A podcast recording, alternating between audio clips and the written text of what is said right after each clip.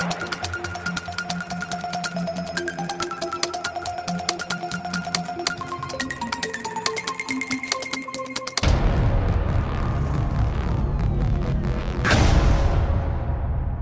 need to get to Elysium.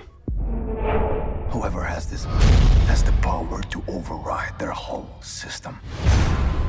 Hey, bring down the bone saw! This ain't gonna kill me.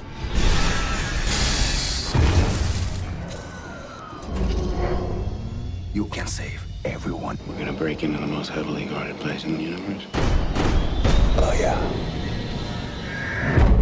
Na vaga mais recente de filmes de ficção científica, Elysium, agora disponível em DVD, distingue-se pelo modo como dá a ver, ou dá a imaginar, um futuro não muito recomendável para o planeta Terra. De facto, já nem se trata de uma Terra destruída por um apocalipse mais ou menos tecnológico ou ecológico. A questão central é fugir da Terra.